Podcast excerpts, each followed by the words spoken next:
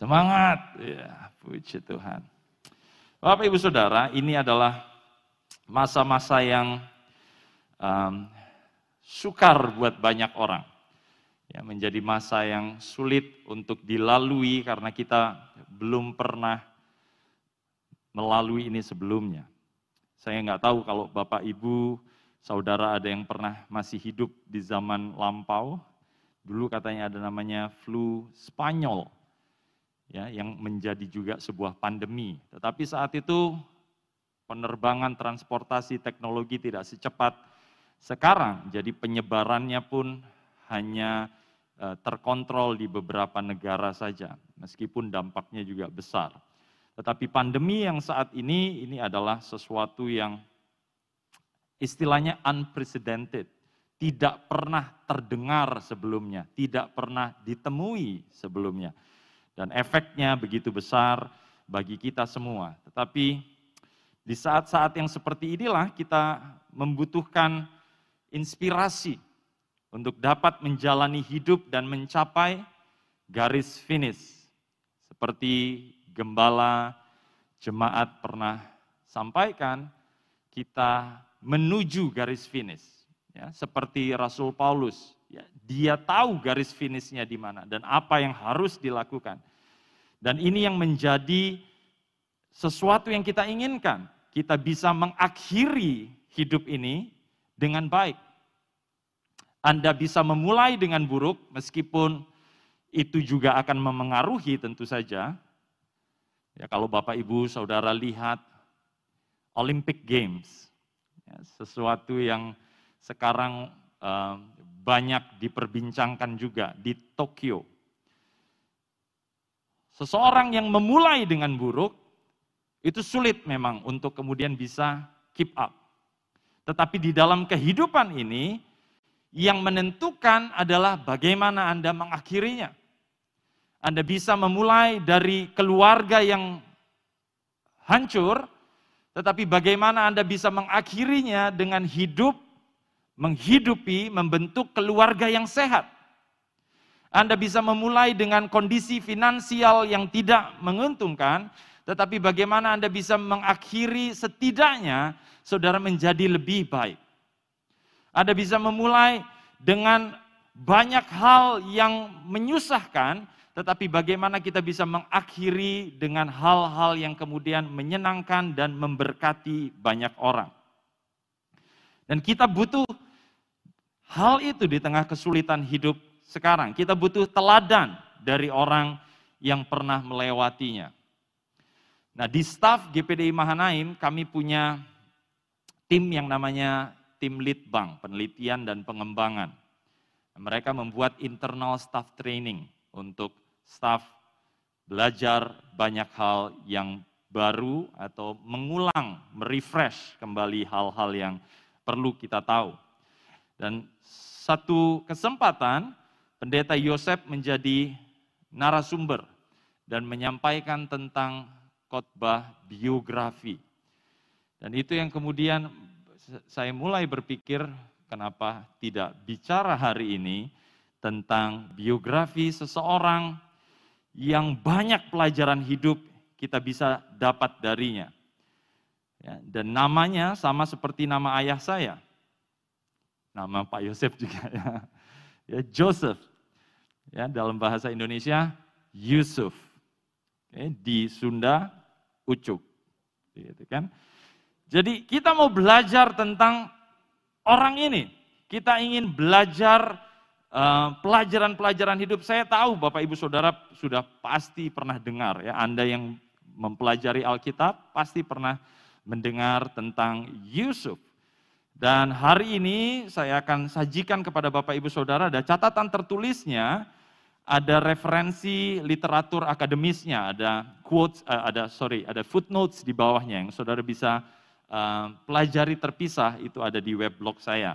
Bapak Ibu Saudara bisa cek di sana dan itu bisa diakses secara online.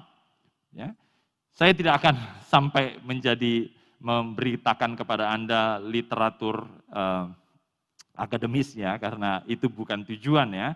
Tetapi hari ini kita ingin belajar dari orang ini. Ya. Kita ingin belajar dari semua fase kehidupan Yusuf. Meskipun tentu saja bahasan kali ini pasti belum bisa membahas secara komprehensif ya karena begitu banyak hal yang harus diulas dan waktu yang terbatas yang kita miliki. Tetapi setidaknya hal ini bisa menginspirasi kita untuk menjalani kehidupan dan tantangan kehidupan dengan lebih baik. Yusuf dan kehidupan dari seorang pemimpi. Mari kita lihat di dalam kejadian pasal yang ke-41 ayat yang ke-16. Kejadian pasal 41 ayat yang ke-16. Dikatakan demikian, Yusuf menyahut Firaun, "Bukan sekali-kali aku, melainkan Allah juga yang akan memberita, memberitakan kesejahteraan kepada tuanku Firaun." Bapak Ibu Saudara, saya ingin bicara tentang Yusuf yang mendapatkan mimpi, tetapi kemudian dia harus diproses untuk kemudian mimpinya menjadi sebuah kenyataan. Nah, awal hidup dari Yusuf, ya, namanya itu pertama kali disebutkan di dalam Alkitab di dalam Kejadian 30 ayat yang ke-24. Ketika Rahel, istri dari Yakub melahirkan anak kandung pertamanya. Ya, dia juga um, melahirkan, maksudnya budaknya juga melahirkan anak-anak yang kemudian diklaim sebagai anak Rahel. Tetapi anak kandung pertama dari Rahel itu Yusuf. Dan itu dia dapatkan setelah ia bergumul dengan kemandulan dan persaingan dengan kakaknya Lea. Ya, Bapak Ibu bisa baca itu di ayat 1 sampai 3. Dalam bahasa aslinya, nama Yusuf ini berarti ia atau Tuhan menambahkan. Tuhan menambahkan. Nah, ini sesuai dengan pemahaman uh, dari orang-orang uh, yang menulis, yang membahas dan tradisi perjanjian lama yang kita sudah yang sudah tadi disebutkan di ayat yang ke-24. Bapak Ibu Saudara bisa baca ayat-ayat itu.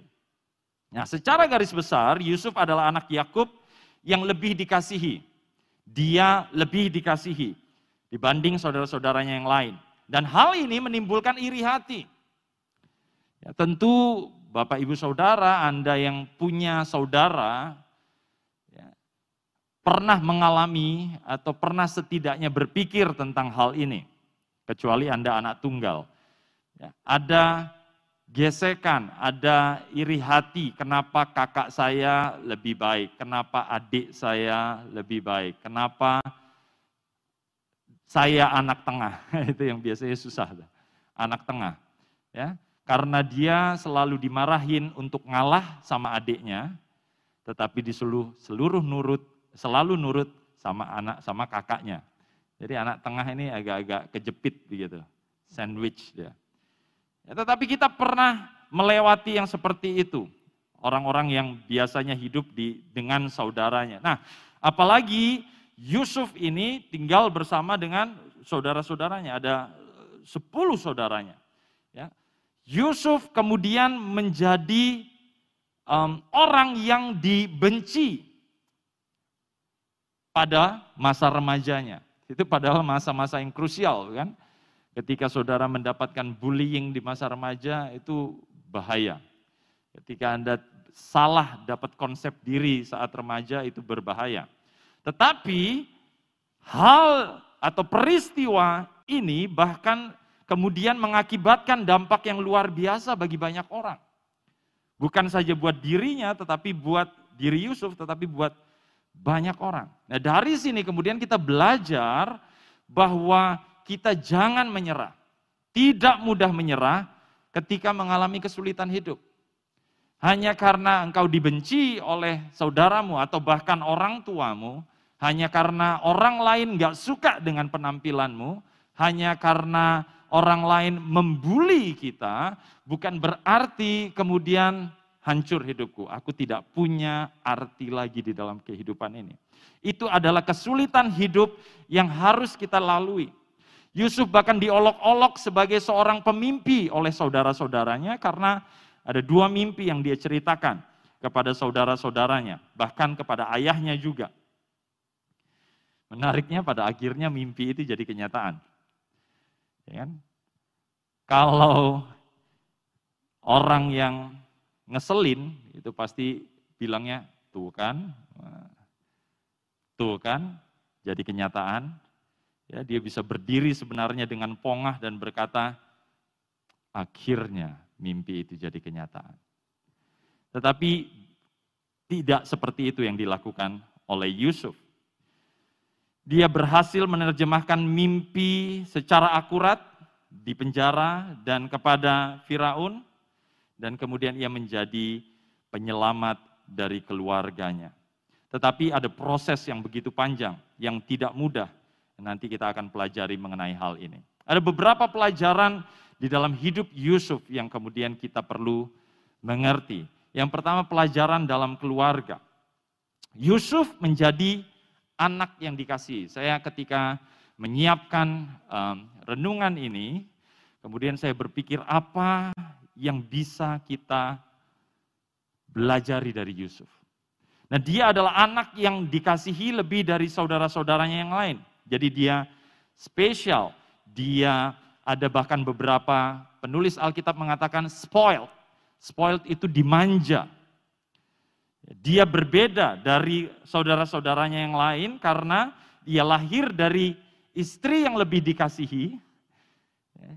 Saya tidak merekomendasikan bahkan di dalam Alkitab ya di dalam perjanjian baru Anda harus setia dengan istri Anda. Di perjanjian lama juga sebenarnya dituliskan demikian tetapi kekerasan hati orang-orang saat itu menyebabkan mereka kemudian uh, tidak setia dengan pasangan mereka dan saya tidak pernah uh, melihat bahwa Yesus mereferensi hal-hal seperti ini untuk kemudian kita lakukan atau Paulus mungkin atau rasul-rasul yang lain. Ya tetapi kenyataannya seperti ini. Yakub mengasihi lebih mengasihi istri keduanya ya, Rahel. Dan kemudian Yusuf lahir dari istri yang lebih dikasihi dan lahir di masa tuanya. Ada yang berkata bahwa usia uh, Yakub saat itu 91 tahun. Saya percaya kalau ada bapak ibu yang sudah punya anak, biasanya opa atau kakek itu sayang banget dengan cucunya. Ya, karena lahir di masa tuanya. Nah ini anak yang lahir di masa tuanya. Jadi dia begitu mengasihi. Nah lahir dalam keluarga yang dilatar belakangi oleh persaingan yang seperti ini membuat kondisi keluarga di yang di mana Yusuf hidup menjadi pergumulan, ya, menjadi suatu pergumulan, menjadi suatu tantangan.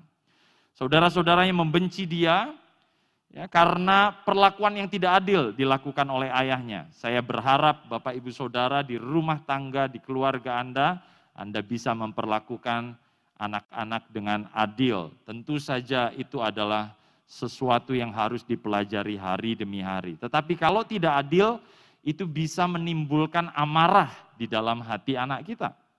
Ya. Dan inilah yang terjadi. Saudara-saudara Yusuf merasa bahwa perlakuan ayahnya tidak adil. Ini diperparah lagi dengan mimpi-mimpi yang dua tadi yang diceritakan. Bapak Ibu sudah bisa baca itu di ayat 5 dan ayat sampai ayat 9 dari kejadian pasal 37.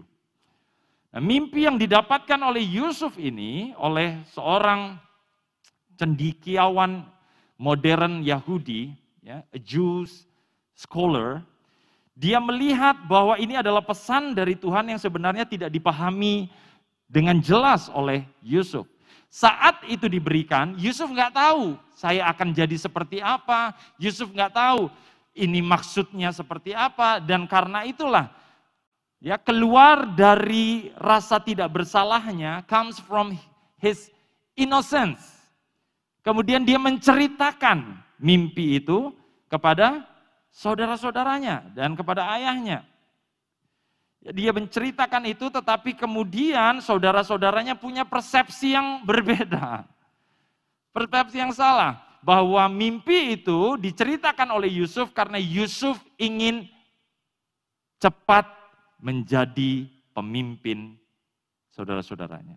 Dia pengen cepat jadi lebih tua. Saya tahu ketika kita hidup, kalau Bapak Ibu Saudara ingat masih SD Anda ingin cepat-cepat jadi SMP. Waktu SMP kapan ya saya pakai celana abu-abu? Waktu SMA Anda pengen cepat kuliah. Karena kalau cowok pengen gondrong, saya dulu gitu. Saya wah kapan nih kuliah nih, pengen gondrong. Gitu. Karena waktu SMA, waduh buru-buru mau gondrong kan, pasti digunting sama guru. Ya, kita berusaha untuk melewati step-step itu dan saudara-saudara Yusuf melihat bahwa ini anak kurang ajar. Dia pengen cepat-cepat. Jadi persepsi dari saudara-saudaranya di saat itu tetapi sebenarnya Tuhan memberikan mimpi itu sebagai visi ke depan. Apa yang akan terjadi di dalam hidup Yusuf. Nah mimpi-mimpi Yusuf ini menjadi penyulut rasa benci karena ketidakadilan. Jadi sudah diperlakukan tidak adil oleh Yakub, ayah mereka. Kemudian Yusufnya juga menceritakan mimpi yang mereka persepsikan sebagai persaingan. Yusuf anak bontot ingin jadi raja atas mereka. Di situ dituliskan di Alkitab mengenai hal itu. Ya, Bapak Ibu Saudara, kalau kita bandingkan dengan bagaimana nantinya Yusuf diperlakukan, ya, saudara-saudaranya merasa tidak adil nih perlakuan ayahnya kepada mereka. Tetapi nantinya apa yang dirasakan oleh Yusuf, dia jadi korban yang lebih parah dari ketidakadilan keadaan di sekitarnya.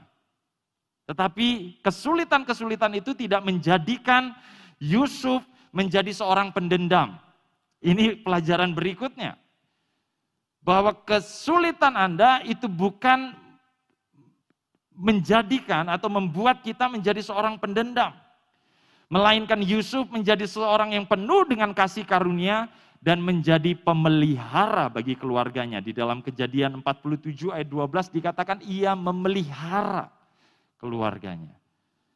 Jadi ubahlah energi negatif, ubahlah perkataan-perkataan negatif yang Anda dengar, ubahlah segala sesuatu pengalaman yang mungkin negatif Anda terima menjadi sesuatu yang positif, menjadi sesuatu yang memberkati orang lain. Nah, Yusuf berusaha membentuk masa depan yang lebih baik. Jadi dia melewati kesulitan-kesulitan dalam hidupnya. Tetapi itu tidak membuat dia kemudian menjadi seseorang yang mendendam. Kesukaran hidup tidak memengaruhi cara Yusuf mengasuh anak-anaknya.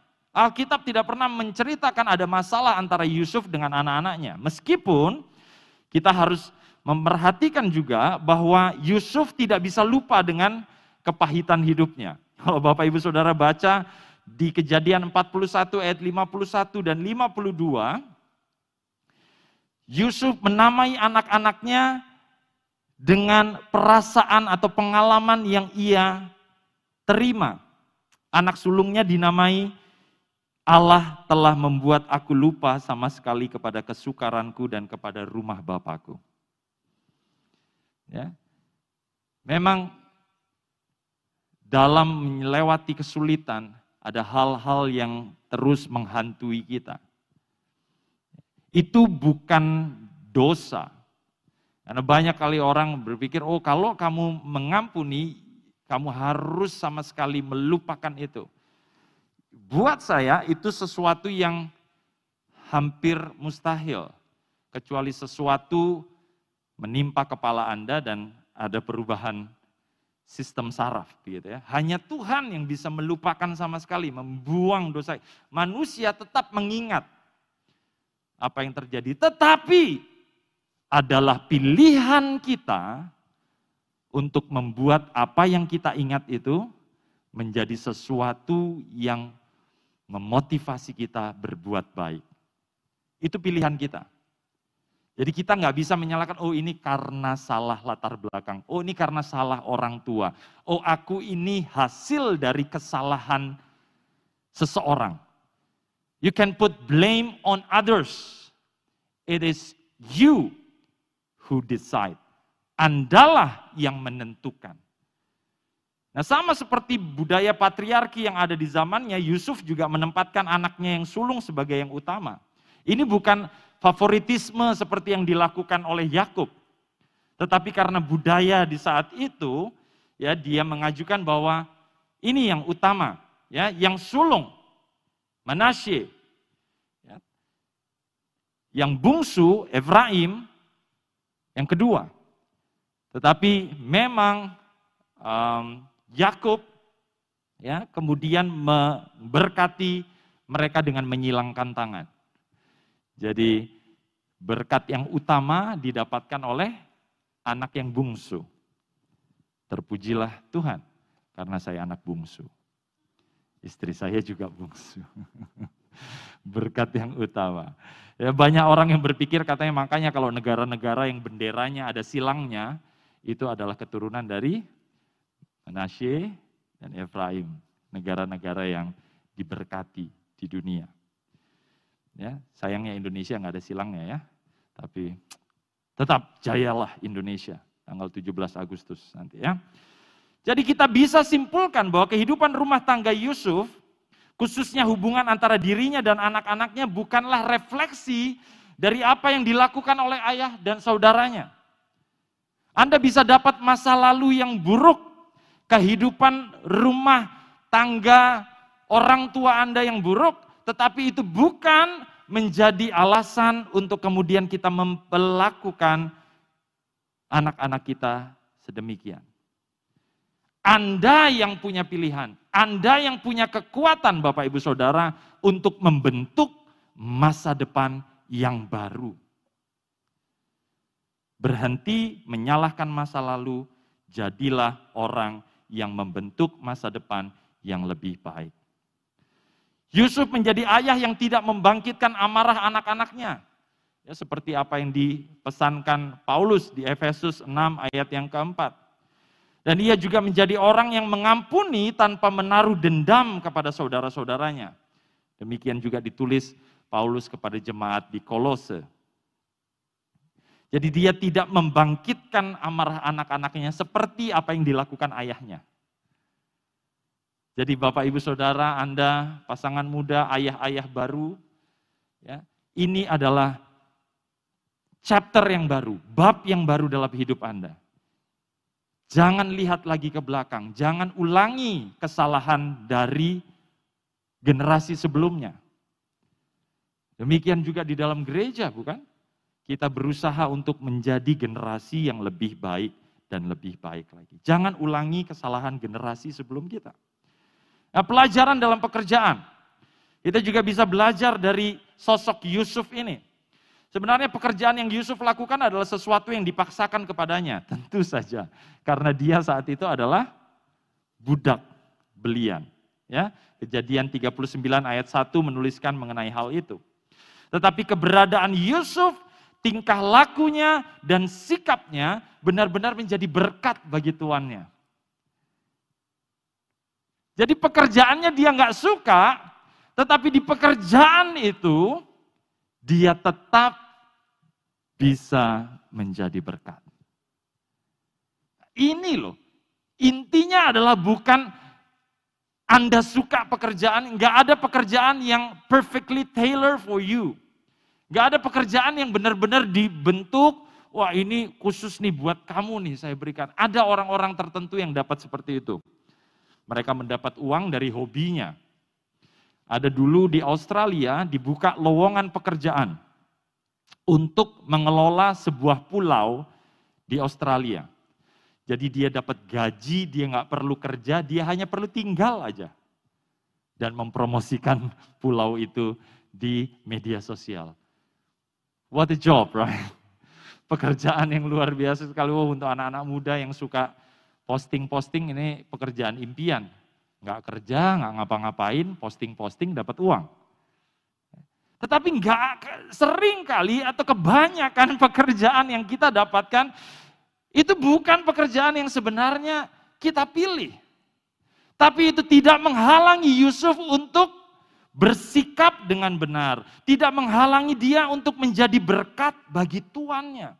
Karena keberhasilan Yusuf tidak ditentukan oleh pekerjaannya, tetapi oleh penyertaan Tuhan di dalam hidupnya. Ini yang kemudian kita refleksi. Apakah kita bekerja for the sake of that occupation, job, work, atau kita memang ingin Tuhan di mana pun engkau tempatkan aku, aku mau jadi berkat di sana.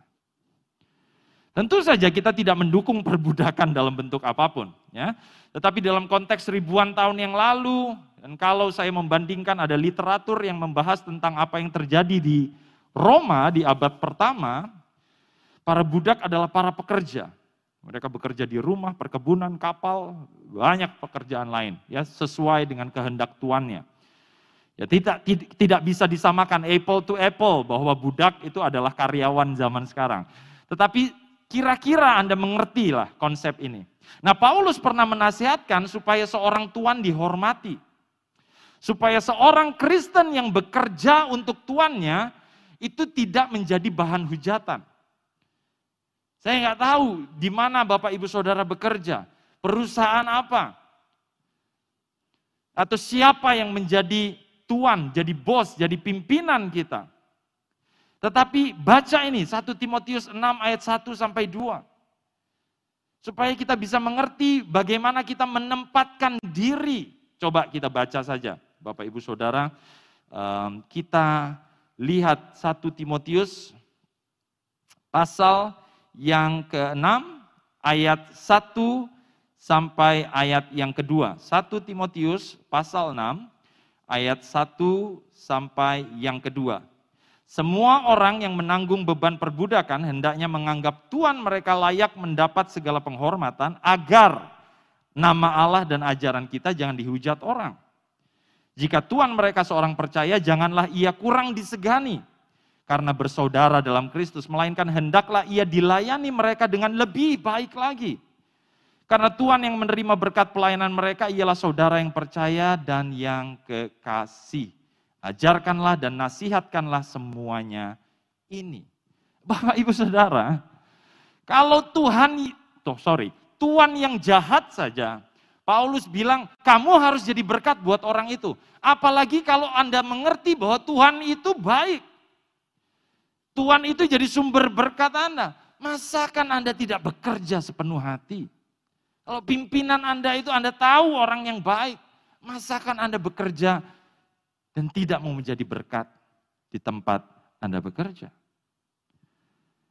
Ya tentu saja, kita kenal ada ayat yang terkenal di dalam Kolose 4 ayat 23. Ya konteks ayat itu juga ditujukan untuk budak sebenarnya. Bahwa segala sesuatu yang kita lakukan, kita lakukan untuk Tuhan dan bukan untuk manusia. Kalau Anda baca ayat itu konteksnya ngomong tentang seseorang yang punya tuan. Seseorang yang punya pimpinan. Jadi ini yang harus jadi concern, jadi nilai kita. Nah, saya lanjut saja ke yang berikutnya. Ada pembentukan yang terjadi sehingga dari seorang pemimpi, Yusuf menjadi seorang pemimpin. Hidup Yusuf berubah ketika ia dijebloskan dalam penjara. Ya, ada fitnah yang dia terima dari istri tuannya Potifar. Bapak Ibu Saudara, sebaik-baiknya kita ada saja orang yang berusaha untuk kemudian melakukan yang jahat. Ya. That's the reality. Itu kenyataan kehidupan. Dan dia kemudian statusnya berubah jadi dari budak, sekarang jadi tahanan. Tetapi di penjara Yusuf kembali menunjukkan tingkah laku dan sikap yang terpuji. Jadi tempatnya tidak mengubah karakternya. Tempatnya tidak mengubah nilai kehidupannya. Di mana pun ia ditempatkan, ia tetap berusaha menunjukkan sikap yang terpuji. Saya nggak tahu di mana sekarang Bapak Ibu Saudara ditempatkan. Apakah Anda menunjukkan tingkah laku dan sikap yang terpuji. Itulah kenapa kemudian ia dapat kepercayaan dari kepala penjara. Di rumah Potifar ia dapat kepercayaan, di, di penjara dia dapat kepercayaan di kejadian 40 ayat 21 sampai 23. Kan ini kemudian menjadi menunjukkan kualitas kepemimpinan dari Yusuf. Ini yang penting, ia dapat memimpin dirinya. Ia dapat mengatur emosinya sedemikian rupa meskipun dalam kondisi yang tidak ideal. Bapak Ibu Saudara, mana sih kondisi ideal yang bisa kita dapatkan di pekerjaan, di pelayanan, di keluarga? Semuanya bisa jadi tidak ideal. Tetapi bagaimana Anda memimpin diri Anda, itu yang menjadi penting Bapak Ibu Saudara. How you manage your emotion. Bagaimana Anda mengatur perasaan Anda, itu yang kemudian jadi penting. Yusuf punya beribu alasan untuk menjadi baper. Yusuf punya beribu alasan untuk bilang, this is not right, this is not fair. Iya kan? Tapi dia memimpin dirinya, memimpin emosinya, mengendalikan emosinya. Ya, dedikasinya kepada pekerjaan ditambah sensitivitasnya melihat kondisi orang-orang di sekitar. Kalau Bapak Ibu Saudara buka di dalam kejadian 40 ayat 6 sampai 7, dia bisa memperhatikan ada juru minuman, ada juru roti, kepala juru minuman, raja atau Firaun. Dia bisa memperhatikan kondisi mereka dan dia mendekati. Nah ini sensitivitasnya Yusuf dan dedikasinya pada pekerjaannya itu membuat dia berbeda dari orang-orang di sekitarnya. Solusi yang kemudian Yusuf berikan, dia menjadi problem solver. Ini yang harusnya kita jadi, ke mana pun kita berada, aku harus jadi pemberi solusi. Aku harus jadi pemberi solusi. Aku di sini bukan untuk jadi beban, but I solve the problem. Itu yang jadi mindset Bapak Ibu Saudara ke mana pun, kapan pun Anda pergi ke tempat kerja atau tempat pelayanan Anda. Solusi yang Yusuf berikan berasal dari karunia Tuhan yang ia miliki. Ini bukan karena kehebatannya. Dan ia mengakui itu. Dan karunia Tuhan itu tidak akan berguna Bapak Ibu Saudara bagi kebaikan Yusuf atau bagi orang lain kalau ia hanya menyimpannya.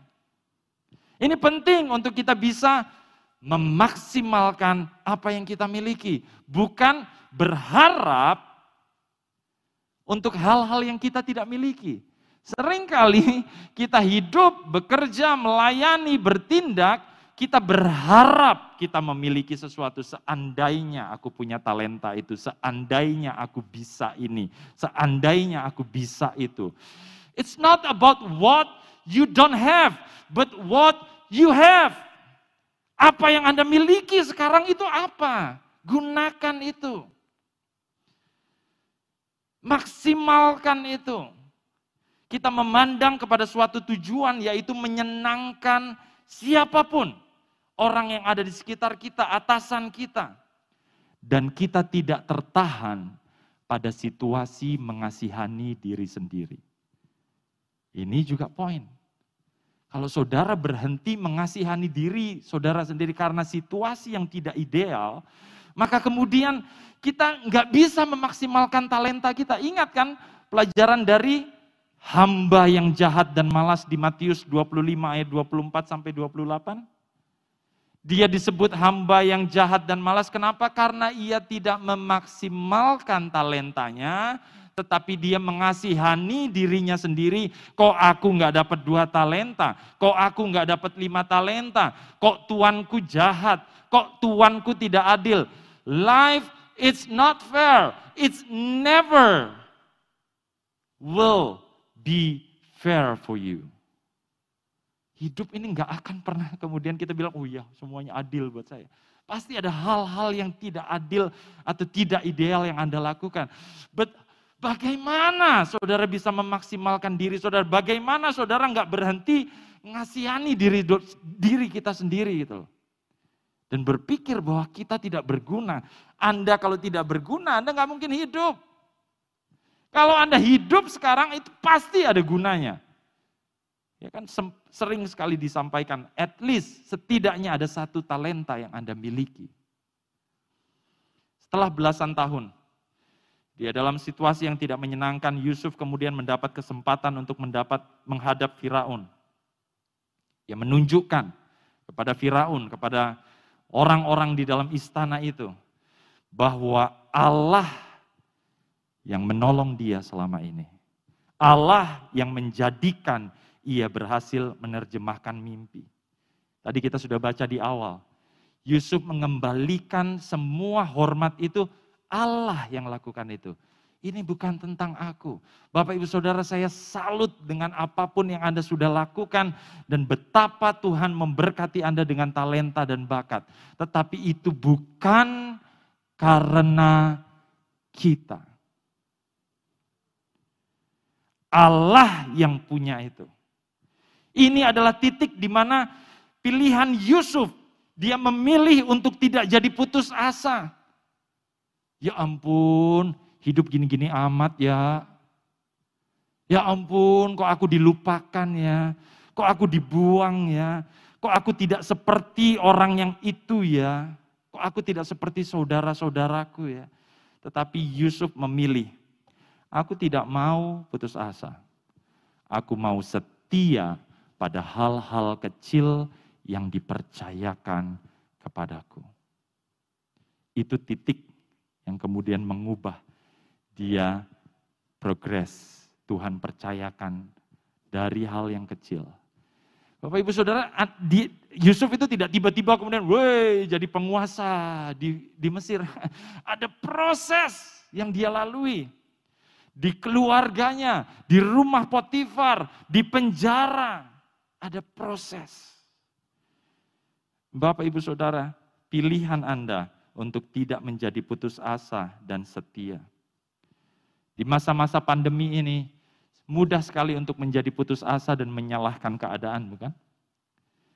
Tetapi apakah kita bisa memilih untuk tidak putus asa? Janji Allah melalui mimpi kepada Yusuf digenapi bukan karena Yusuf diperlakukan berbeda oleh Yakub. Dengar ini dan dengar baik-baik. It's not about privilege. Bukan karena kita punya hak istimewa, kemudian janji Allah itu digenapi di dalam hidup kita. Ada orang yang berpikir bahwa Yusuf, oh iyalah dia dapat mimpi dari Tuhan, oh iyalah dia adalah anak yang dikasihi oleh Yakub. Gak ada satupun hal-hal itu yang akan jadi benefit, yang akan jadi keuntungan, kalau kemudian Yusuf tidak melibatkan Allah dalam segala kondisi yang ia alami. Anda bisa bisa jadi the most privileged person in the world. Anda bisa jadi orang yang begitu dapat fasilitas begitu melimpah, bakat melimpah, talenta melimpah. Tetapi kalau Anda tidak melibatkan Tuhan, tidak bisa kita menjadi berkat bagi orang lain. Ia melibatkan Allah dalam segala kondisi yang ia alami. Di gunung, di lembah, di masa sulit, ia melibatkan Allah. Di masa sulit, biarlah kita tetap melibatkan Yesus. Ketika menjadi budak, ia melibatkan Tuhan. Ketika menjadi tahanan, ia melibatkan Tuhan. Bahkan saat ia menjadi penasehat menjadi jawaban bagi Firaun. Ia melibatkan Tuhan. Tidak sekalipun dia berpikir ini karena aku. Ia melibatkan Allah dalam setiap fase kehidupannya. Yusuf kembalikan semua kemuliaan bagi nama Tuhan. Saya ingin menutup bahasan saya dengan Roma 16. Kalau Bapak Ibu Saudara buka di dalam Roma pasal yang ke-16 ayat 25 sampai 27. Roma pasal 16 ayat 25 sampai 27. Dikatakan demikian, bagi dia yang berkuasa menguatkan kamu. Menurut Injil yang kumasyurkan dan pemberitaan tentang Yesus Kristus sesuai dengan pernyataan rahasia yang didiamkan berabad-abad lamanya tetapi yang sekarang telah dinyatakan dan yang menurut perintah Allah yang abadi telah diberitakan oleh kitab-kitab para nabi kepada segala bangsa untuk membimbing mereka kepada ketaatan iman.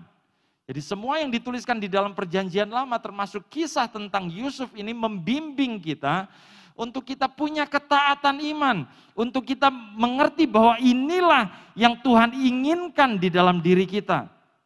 Bagi dia satu-satunya Allah yang penuh hikmat. Yusuf juga melihat bahwa hikmat ini dari Tuhan. Dan hikmat yang sama yang Tuhan berikan kepada Yusuf bisa menjadi bagian dari kita saat ini. Ketika kita melibatkan Tuhan dalam aktivitas kita. Oleh Yesus Kristus segala kemuliaan sampai selama-lamanya. Amin. Bapak Ibu Saudara, ini saat yang sukar, ya.